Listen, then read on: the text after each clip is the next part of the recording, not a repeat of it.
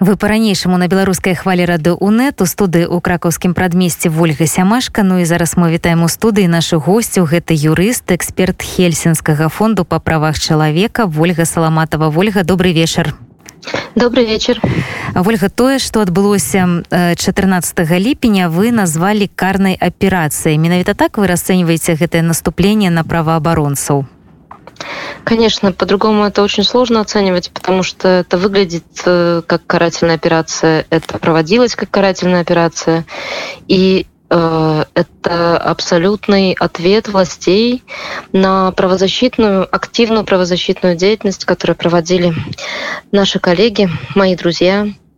И я очень надеюсь, что э, глядя на реакцию мира, но тоже немножко задумываясь о том, что они делают, все-таки э, есть надежда какая-то, не знаю почему, но что коллег должны отпустить.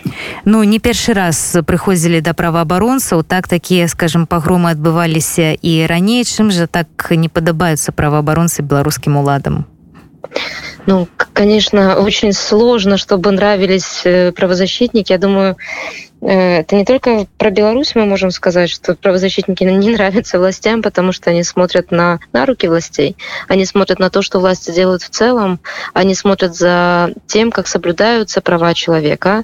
Но если мы говорим о Беларуси сейчас, то правозащитники смотрят, фиксируют и описывают, как нарушаются права человека. Чем дальше, тем все больше и больше раскручивается волна репрессий. И уже больше года Э, идет э, так, такая, э, ну, наверное, несопоставимая ни, ни с каким периодом в Беларуси современной волна репрессий, волна преследований. И после выборов, которые большинство цивилизованных стран признали сфальсифицированными, мы увидели огромную волну насилия, с которой также пришлось столкнуться правозащитникам и очень быстро учиться фиксировать нарушения, описывать их, фиксировать пытки, э, помогать жертвам активизироваться в этом направлении, которое было не, ну, далеко не самым э, главным в Беларуси. Пытки есть всегда, но не, не, на, не на такую, конечно, массовую просто э, волну А вось калі браць сітуацыю да прэзідэнцкіх выбараў так вось адносная такая адліга як тады адчувалі сябе праваабарончай арганізацыю беларусі правозащитные организации всегда э, так на рубеже да э, и на они стоят э, на защите э, прав человека и, и не всегда это благодарная работа потому что очень часто их не замечают, очень часто кажется, что они занимаются чем-то таким, ну, не очень понятным людям, э, потому что э, люди в целом начинают чувствовать нарушения тогда, когда сами с ними сталкиваются.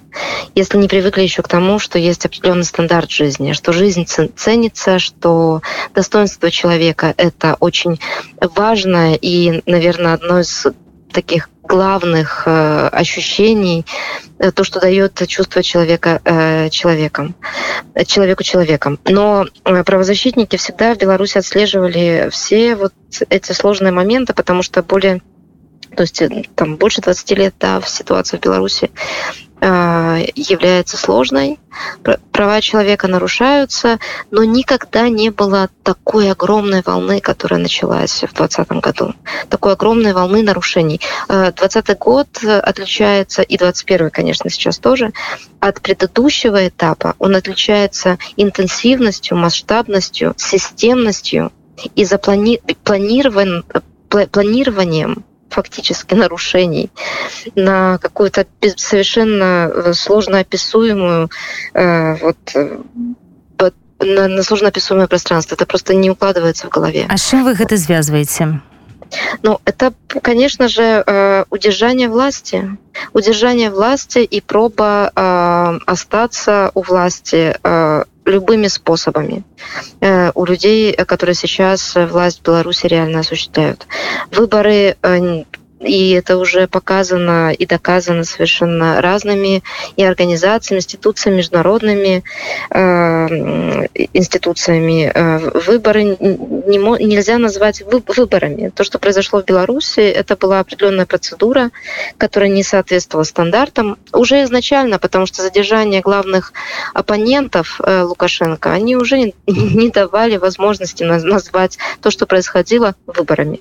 Но и дальше, чем дальше и ближе ближе к дням, когда голоса считались, тем э, больше и больше было нарушений, а параллельно происходила огромная какая-то тоже история, связанная с большим количеством административных задержаний, да, административных наказаний. То есть это вот все оно э, уже показывало, что э, власть Лукашенко будут удерживать э, свою позицию до последнего и любой ценой.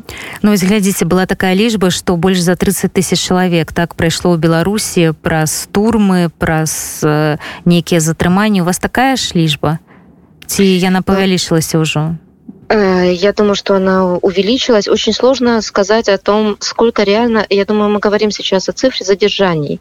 То есть, когда фактически люди были задержаны, и потом они были э, э, доставлены и находились либо в каких-то ИВС, либо вот в отделениях милиции, или дальше с ними происходили какие-то процессы административные или уже уголовные. Э, и, конечно, этих людей, я думаю, что этих, этих случаев, этих ситуаций было больше, чем 30 э, тысяч, уже, наверное, больше 35 тысяч. Но посчитать до конца э, вот этот размах и масштаб преследование очень сложно, потому что власти максимально закрывают информацию. А, и как раз вот эти цифры, которые у нас есть, а, и которые есть э, в том числе у Организации Объединенных Наций, у Верховного комиссара по правам человека, они все есть благодаря тому, той кропотливой работе, которую делали правозащитники в Беларуси. А скажите, вы вось як спецыяліст і які сошыць за сітуацыю ў Беларусі, вы ўвогуле прагназавалі такі маштаб рэпрэсій? я думаю, что такой масштаб, вообще то, что, то, что произошло в августе уже, та э, беспрецедентная совершенно волна насилия, которая ничем не оправдана. Ну, насилие, в принципе, оправдать невозможно, но здесь э, это выглядело как побоище. Это побоище мирных людей, э, только за то, что они высказали свою позицию и были не согласны с тем, как нагло э, им показывают совершенно иные результаты так, и открыто фальсифицируют то, что они видели своими глазами. Так вот, э, это уже начиная с того, что такую, такой масштаб насилия никто не мог сказать. Конечно, э, были, были предположения, что э, применять определенное насилие будут, потому что это, к сожалению, Э, то, что очень хорошо умеют делать э, силовики в Беларуси. Мы э, помним 2010 год, декабрь, когда площадь была жестко зачищена. І, і таксама тоже... вось вы ўзгадвалі што арыштаваны былі прэтэндэнты на пасаду прэзідэнта там у 2010 годзе мы таксама мелі такую гісторыю да но тогда это произошло то есть вот степень насилия, которая применялась к людям, и насколько она применялась, это происходило в течение одного вечера. И дальше, конечно, были э, ситуации э, репрессий и происходили разные, э, разные форматы нарушений, но это совершенно несопоставимо с тем, что произошло в 2020 году. Это абсолютно невозможно соотнести, потому что идея сама была такая же. Удержать власть, любой ценой, в том числе ценой насилия. Э, и это насилие применяли. И были э, определенные пытки, которые применялись к людям, не бесчеловечно унижающее достоинство обращения, которое применялось потом в ИВС и в СИЗО к людям. Но представить в Беларуси то, что мы увидели начиная с августа 2020 года, вот это было невозможно. И белорусские правоабаронцы все гэтыя выпадки фиксовали, так?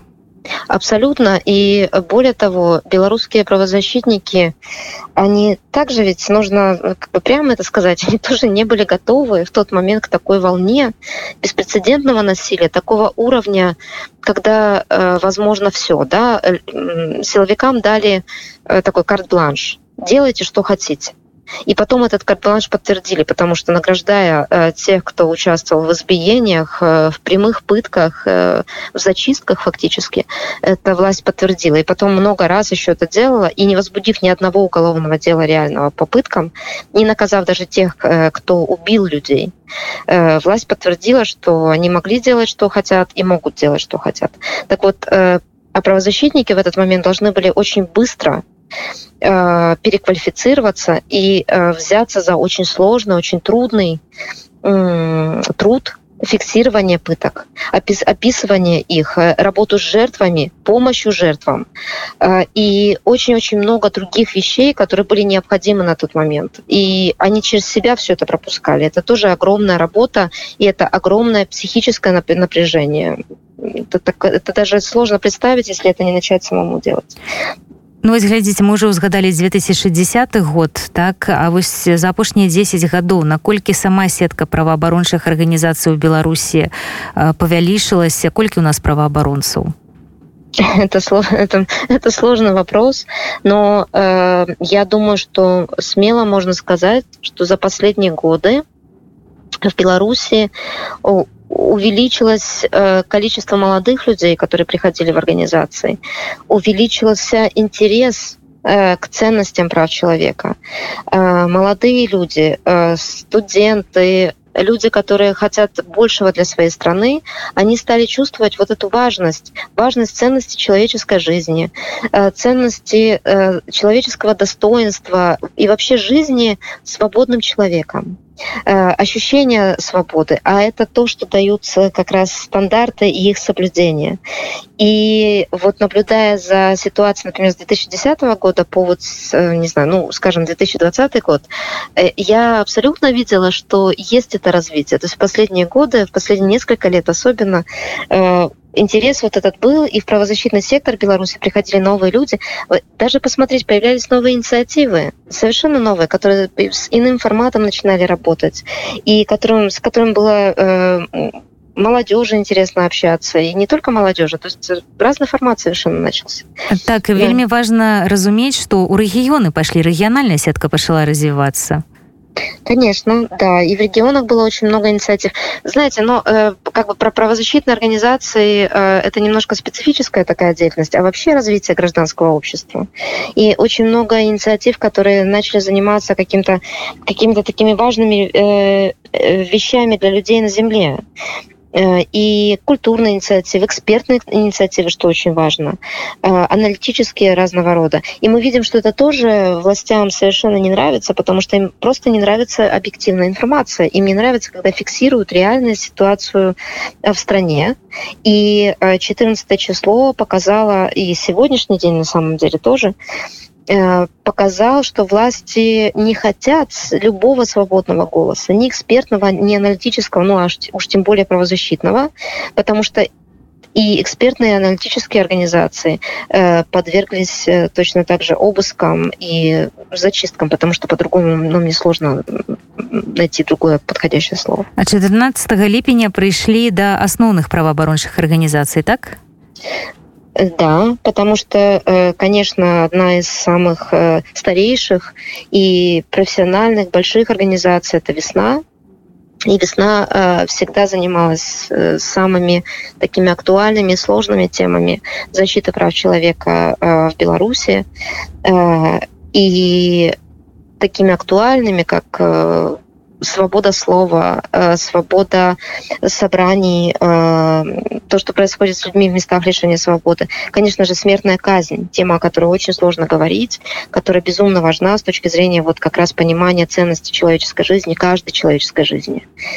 Э, и, и так далее, и так далее. Здесь можно перечислять до бесконечности. Белорусская ассоциация журналистов, которая напрямую занимается вопросами свободы слова, свободы выражения мнений, поддержкой журналистов, э, Белорусский, Белорусский Хельсинский комитет, который также одна из старейших организаций, и э, это тоже главные темы функционирования э, общества, главные темы правозащиты, стандартов прав человека. И э, Low Trend, организация, которая э, Центр правовой трансформации, которая занимается вопросами поддержки общественных объединений, общественных организаций, э, развития свободы ассоциаций, что безумно важно для Беларуси, потому что это тема, которая много-много лет оставалась э, очень сложной и криминализированной э, в Беларуси и это было совершенно непонятно странам которые рядом потому что это уже давно ушло это был пережиток прошлого ну вось не толькі прыйшлі да праваабаронцаў але і затрымалі вось вы ўжо узгадвалі вясну яе кіраўніка леся бяляцкага зноў затрымалі і зноў по крымінальным артыкуле э, Да, э, больше всех, конечно, если мы посмотрим сейчас на тех, кто был задержан 14 и 15 числа, уже сегодня тоже были задержания, э, это Э, больше всех в этом смысле пострадала весна, и задержали людей, которые больше, ну, много-много лет занимаются защитой прав человека и помогают людям. Это их миссия, это их стиль жизни уже, это такие, а последний год это работа 24 на 7. И, конечно, Олесь э, Беляцкий, который э, уже был осужден по абсолютно политически мотивированному делу и сфабрикованному, и, и это для, для ни для кого не, не оставляет никаких э, сомнений. Э, и он как раз, если так посмотреть, в июне, в, в июле как раз несколько лет назад он приезжал в Варшаву после освобождения. И сейчас история повторяется. Это люди, которые, которых а Дарья Куштын, одна из журналисток известных белорусских, назвала рыцарями Э, в белых доспехах. Э, это, это, наверное, так и есть. Это ну, люди, которые отдали себя э, защите других людей. Ну і вось і зараз нягледзячы на ўсе рэпрэсіі вясна ўжо заявіла што працягне сваю дзейнасць мне падаецца што гэта людзі з жалеза А, и более того, они это делают. Они э, и вчера, и сегодня, конечно, очень много было посвящено э, ситуации в самой организации, с организацией и с другими организациями, вот этой волне безумных обысков, задержаний, э, допросов. Но при этом, если мы посмотрим на сайт весны, если мы посмотрим на телеграм-канал весны, мы увидим, что они пишут и о процессах, которые происходят, и они все равно э, реагируют на иные вещи, они работают даже вот в самый кризисный момент. Ну вось мне ситуация с праваабаронцамі нагадвае ситуацию с беларускімі журналістамі так? Тому что мне здаецца вось гэта такія дзве групы на якіх велізарны ціск оказывается і беларускія журналісты трымаліся трымаліся указалі что там будем до апошняга заставацца ў краіне але ўсё ж таки э, за гэтага ціску масава з'язджаюць. Праваабаронцы таксама? Э, я думаю что так же, как все остальные, э, все принимают э, решение о том, как они хотят функционировать дальше. Но если мы говорим о правозащитниках и журналистах, то мне кажется, что здесь решение еще такое, как мы можем работать дальше как так. мы можем дальше помогать, и как мы можем дальше в отношении журналистов распространять информацию, да, и помогать своим же коллегам, которые сейчас задержаны. Так, у нас э... зараз у журналістской супольнасці, э, скажем так, ідуць такія размовы, наколькі паўнавартасна можа функцыянаваць срод, э, сродак масавай інфармацыі без журналістаў у Беларусі. А што тычыцца вось праваабарончых арганізацый, яны так могуць функцыянаваць? Я думаю, что э, часть э, людей, которые будут исполнять функцию э, распространения информации, сбора информации, помощи людям, они будут оставаться в стране. Это просто будет, э, э, ну, возможно, иные форматы, э, иные какие-то возможности работы. Э, но очень много можно делать и за пределами страны. Э, эпидемия ковида нам показала, э, пандемия показала, что можно работать очень по-разному. И можно очень много вопросов решать дистанционно, но э, разные иные примеры репрессий в другие годы показали тоже, что белорусские журналисты и белорусские правозащитники смогут находить варианты помощи людям и работы, несмотря ни на какие преследования.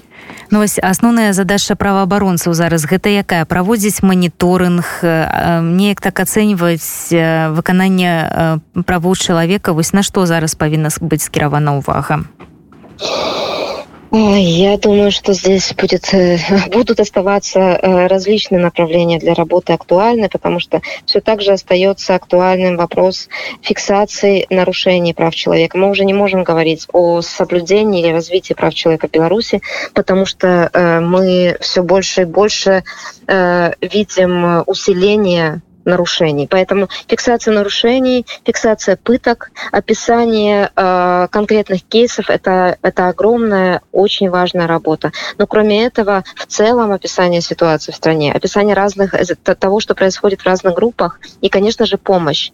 Помощь э, политзаключенным, помощь тем, кто преследуется по политическим мотивам, помощь тем, э, кто преследуется в целом, э, в отношении кого нарушаются права человека, помощь людям э, с инвалидностью. Например, офис по правам людей с инвалидностью с февраля не может нормально функционировать, потому что его главные люди, Сергей Дроздовский, глава офиса, э, юрист Олег Граблевский, они находятся под стражей. И а это э, есть целая группа людей, да, которые нуждаются в помощи.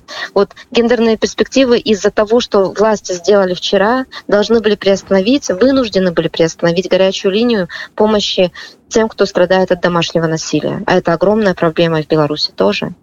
И это иногда связано с жизнью людей.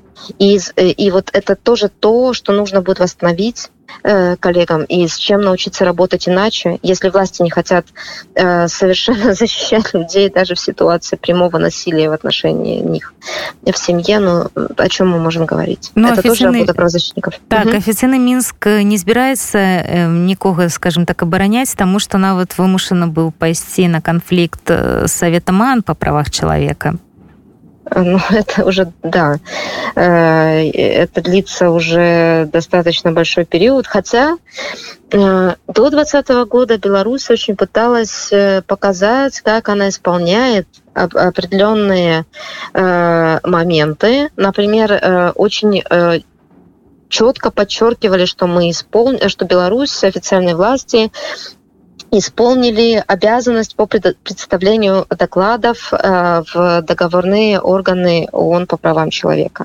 Что вот все сделали, что э, универсальный периодический отчет готовят, и э, вот это участие для властей Беларуси было важно.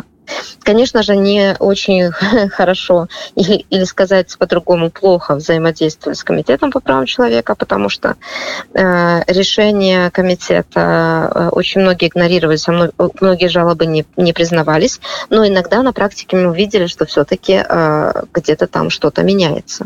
Ну там дзе было выгодна беларускім уладам там яны скажем прагрэс показывалі а там дзе было невыгодна замочвалі Ну, знаете, я думаю, что можно к этому еще отнестись по-другому. А, вообще э, реализация стандартов прав человека иногда как государство властям в целом в каждой стране. Если вот разумно к этому подходить, она выгодна потому что это значит, что что-то идет в сторону развития, меняется к лучшему, и функционирование становится лучше э, определенных э, ведомств целых. И поэтому э, даже если власти в белорусские не признавали, а что-то меняли к лучшему, ситуация определенных групп людей становилась лучше, и это тоже можно было э, принимать. Конечно, это не было такое, это не было системно, этого не было много, но это можно было найти. Но в 2020 году Беларусь абсолютно э, перестала исполнять что-то. И, ну, можно сказать, очень просто. В Беларуси в определенный момент, в 2020 году, закончилось право. Э, то, что Максим Знак, адвокат, который находится в СИЗО уже 10 месяцев, который скоро будет в процессе уголовном вместе с Марией Колесниковой, он назвал правовым дефолтом еще в июле прошлого года то дальше уже ситуацию правовым дефолтом тоже сложно было называть, потому что в Беларуси право не действует. Более того, в Беларуси не действуют законы белорусские, которые эта же власть, которая сейчас написала. Действуют какие-то процедуры, понятные вот только тем, кто их применяет. И они действуют избирательно. Ну вось я разумею што беларускі рэжым зараз э, пытанне іміджу для яго не самае галоўнае а ўсё ж такі вось у такім іміджавым э, фармаце чым гэта пагражае усе вось гэтай рэзалюцыі якія прымаюцца па правах чалавека ў беларусі? Ну, сейчас э, Беларусь, к сожалению, выглядит э, страной третьего мира, и даже где развитие идет не вперед, а так очень-очень-очень жестко идет назад. И такое ощущение, как будто э, Беларусь возвращается в, в средневековье, э, и э, все дальше и дальше от, от цивилизованных государств, там, где культура, право имеет значение. И вот это, это становится воспри... таким становится восприятие Беларуси. И Беларусь, более того, выглядит так, как страна, с которой вообще э, ну, опасно иметь какие-то отношения, потому что правил никаких нет, ничего не соблюдается. Более того, э, вот это вот отсутствие права, оно начинает выходить за пределы Беларуси. И э, это Беларусь выглядит как не такой партнер, которому нельзя доверять. Вернее, не партнер, потому что ему нельзя доверять. Ну, послухайте, над яким увогуле нават лётать небяспечна. Абсолютно. Именно поэтому вот это как раз стала э, ситуация с, с самолетом Ryanair э, стала показателем, что отсутствие права и возможности сделать все, что угодно, вышло за пределы Беларуси и коснулось других стран. И не только эта ситуация с нелегальными мигрантами на границе, э, вот эти все организованные э, безумно какие-то перемещения людей, которые часть из них э, абсолютно жертвы этой ситуации, потому что наверняка часть из этих людей это люди, которые реально треб... которым реально требовалась помощь, и они оказались заложниками. Вот ситуация, которая, которую использует Беларусь, чтобы показать, ну и сделать, показать вот как можно мстить за, за позиции, за то, что э, кто-то выс... страны высказывают э, недов... недовольство тем, что происходит в стране, и требуют от Беларуси изменения ситуации. Вольга, а ва ўмовах такога ціску хто абароніць саміх праваабаронцаў Беларусі? Знаете, как вот Валентин Стефанович, э, заместитель правозащитного центра «Весна», это же вице-президент вице заместитель председателя и вице-президент э, Международной Федерации за права человека, он говорил так, что кроме нас самих нам никто не поможет по-настоящему, пока вот мы здесь э, не почувствуем э, себя э, вот, людьми, и, и люди пока нас не поддерживают. Люди должны э, защищать тех, кто защищал их много-много лет. Общество. Но, конечно же, э, белорусских правозащитников бу- будет отстаивать все правозащитное мировое сообщество. И белорусских правозащитников очень ценят, э, любят и уважают, это я говорю совершенно искренне. Э, в во всех странах, наверное, где они их знают, потому что это люди, которым э, глубоким уважением э, проникаешься и которые имеют огромный опыт, э, больш... огромное знание и э, уважение к своей стране, к людям, которые там, и искреннее желание помощи. Э, и вот они, э, я думаю, что будут теми людьми, о которых ну, говорить будут постоянно. Э, я думаю, что если завтра э, не произойдет чудо и власти не отпустят э, коллег, то они очень сильно пожалеют о том, что они сделали. И, конечно же, огромное количество людей было задержано уже до этого, и людей прекрасных, и в том числе и также правозащитников. Но вот эта массовость того, что произошло вчера, она только подчеркнула вот эту безумную стратегию э, белорусских властей э, мстить людям. И теперь ну, никто не отпустит просто, никто не отпустит этой ситуации, и это будет просто для властей. Я надеюсь, что еще, еще одна ступенька к тому, что ну, скоро ситуация в Беларуси поменяется. Ну вось вы сказали что ніхто не дапаможа нам апроч нас саміх ну вось а як мы і можем э, дапамагчы куды пісаць расскажите я думаю что во-первых важно писать важно в целом писать э, говорить о ситуации э, и говорить громко говорить на разных языках э, очень важно чтобы журналист э, разных стран знали о ситуации и почувствовали ее потому что э, очень важно почувствовать вот это вот э, э, вот это безумие, которое происходит в стране, этот страх, который сеет в Беларуси, и с которым правозащитники, журналисты и так далее сталкиваются постоянно, с которыми они пытаются бороться. Но при этом важно показывать, какие прекрасные люди в Беларуси. И насколько они открыты, э, и насколько они э, хотят другой, другой жизни, и насколько они готовы уже э, к тому, чтобы быть э, абсолютно открытой европейской страной, открытой на других. И вот об этом важно писать. Важно писать о том, кто, кто такие правозащитники, их истории личные, потому что это люди, которые сделали просто какие-то иногда совершенно э, наверное, ну очень, ну очень непростые вы, выборы. Героические. Да, я не хочу просто пафоса очень много вносить, но это правда, это люди, которые вот послед... ну, не, не только последний год, а многие годы работали э, в очень сложном режиме. Они занимались вопросами помощи другим тогда, когда э, ну, очень большая часть общества не замечала проблем, потому что пока не затронули напрямую. Но если бы они это не делали, то не было бы тоже этой возможности удержания ситуации какой-то. Потому что то, что произошло в 2020 году, оно могло случиться раньше, намного раньше, если бы не было вот этой постоянной, кропотливой работы правозащитников. А скажите, вы уже задумывались над тым, вось як пасля перамогі павінна быць выстроена гэтая праца по, там, по тому, як будуць выконвацца правы чалавека ў Беларусі? Это, это будет очень сложная работа, потому что э, в стране должны будут, будут построены э, институты, которые, механизмы, которые обеспечивают реализацию э, прав и свобод человека и контроль над каждой э, ветвью власти, Э, общественный контроль. А этого в Беларуси не было на протяжении всех этих лет. Беларусь после трансформации просто не успела себе еще ничего построить, вот связанного с тем, чтобы обеспечивать эту защиту. В Беларуси должен быть обязательно э, независимый институт э, э, уполномоченного по правам человека, э, омбудсмана, Ну, вось, быть... вельмі доўга такія размовы вяліся але так гэты інстытуты не ўвялі ну, потому что э, он был почти невозможен э, и, и при этой власти, потому что омбудсман должен быть независим.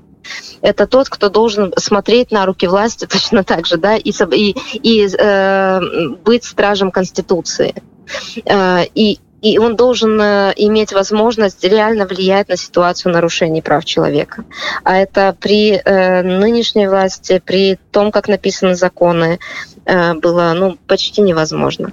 Но, ну, но можно было строить, э, уже можно было строить определенные шаги к этому, а, но, к сожалению, вот мы увидели, что власть в этом совершенно не заинтересована. И более того, ей это не надо, потому что они хотят делать э, то, что они хотят, э, несмотря ни на что, и после них хоть трава не расти. Это вот так, так, такой, такой подход.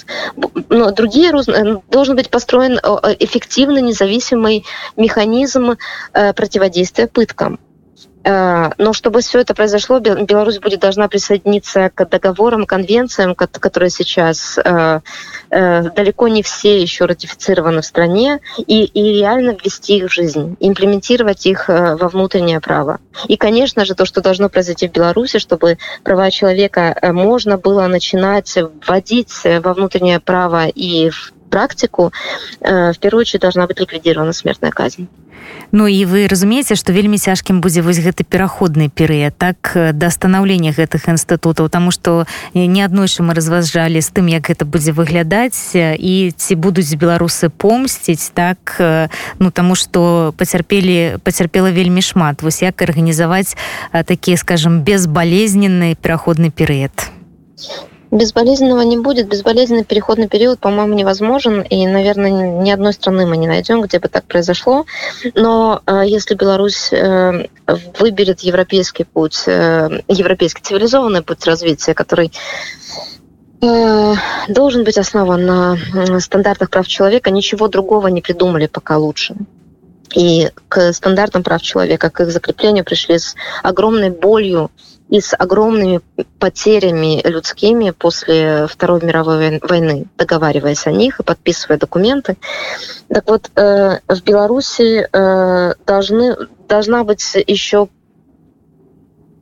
должна будет проводиться огромная образовательная программа, ну, в широком смысле, где правозащитники, у которых будет вот этот большой опыт работы раньше, они будут э, главными экспертами, наверное. И здесь, конечно, это все непросто, но э, это важно. Важно, чтобы люди почувствовали ценность прав человека. И ценность человека. И э, про прочувствовали, почему пытки невозможно применять никому и никогда даже если это те люди, которые совершили эти преступления, которые сами это делали, но к этим людям пытки нельзя будет применять, а они должны будут э, быть судимы в независимом, э, в справедливом процессе, открытом процессе, публичном процессе, где будут соблюдаться стандарты справедливого судопроизводства. И только тогда э, Беларусь сможет э, развиваться дальше как э, цивилизованное европейское государство. Ну вось у нас засталася літаральна хвілінка эфіру і апошняе пытанне зараз улада намагаецца знішчыць грамадзянскую супольнасцю беларусі ўсё робіць для гэтага. А на вашу думку ці ўвогуле можна гэта знішчыць? Э, людзей нельзя э, вот просто взять и вычистить.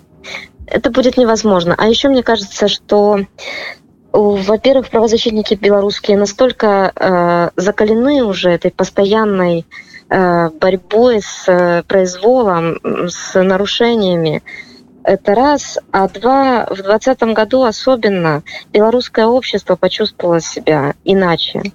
Почувствовали себя людьми и, и вот прочувствовали свое человеческое достоинство. И, и абсолютно воспротивились вот этой волне агрессии и насилию.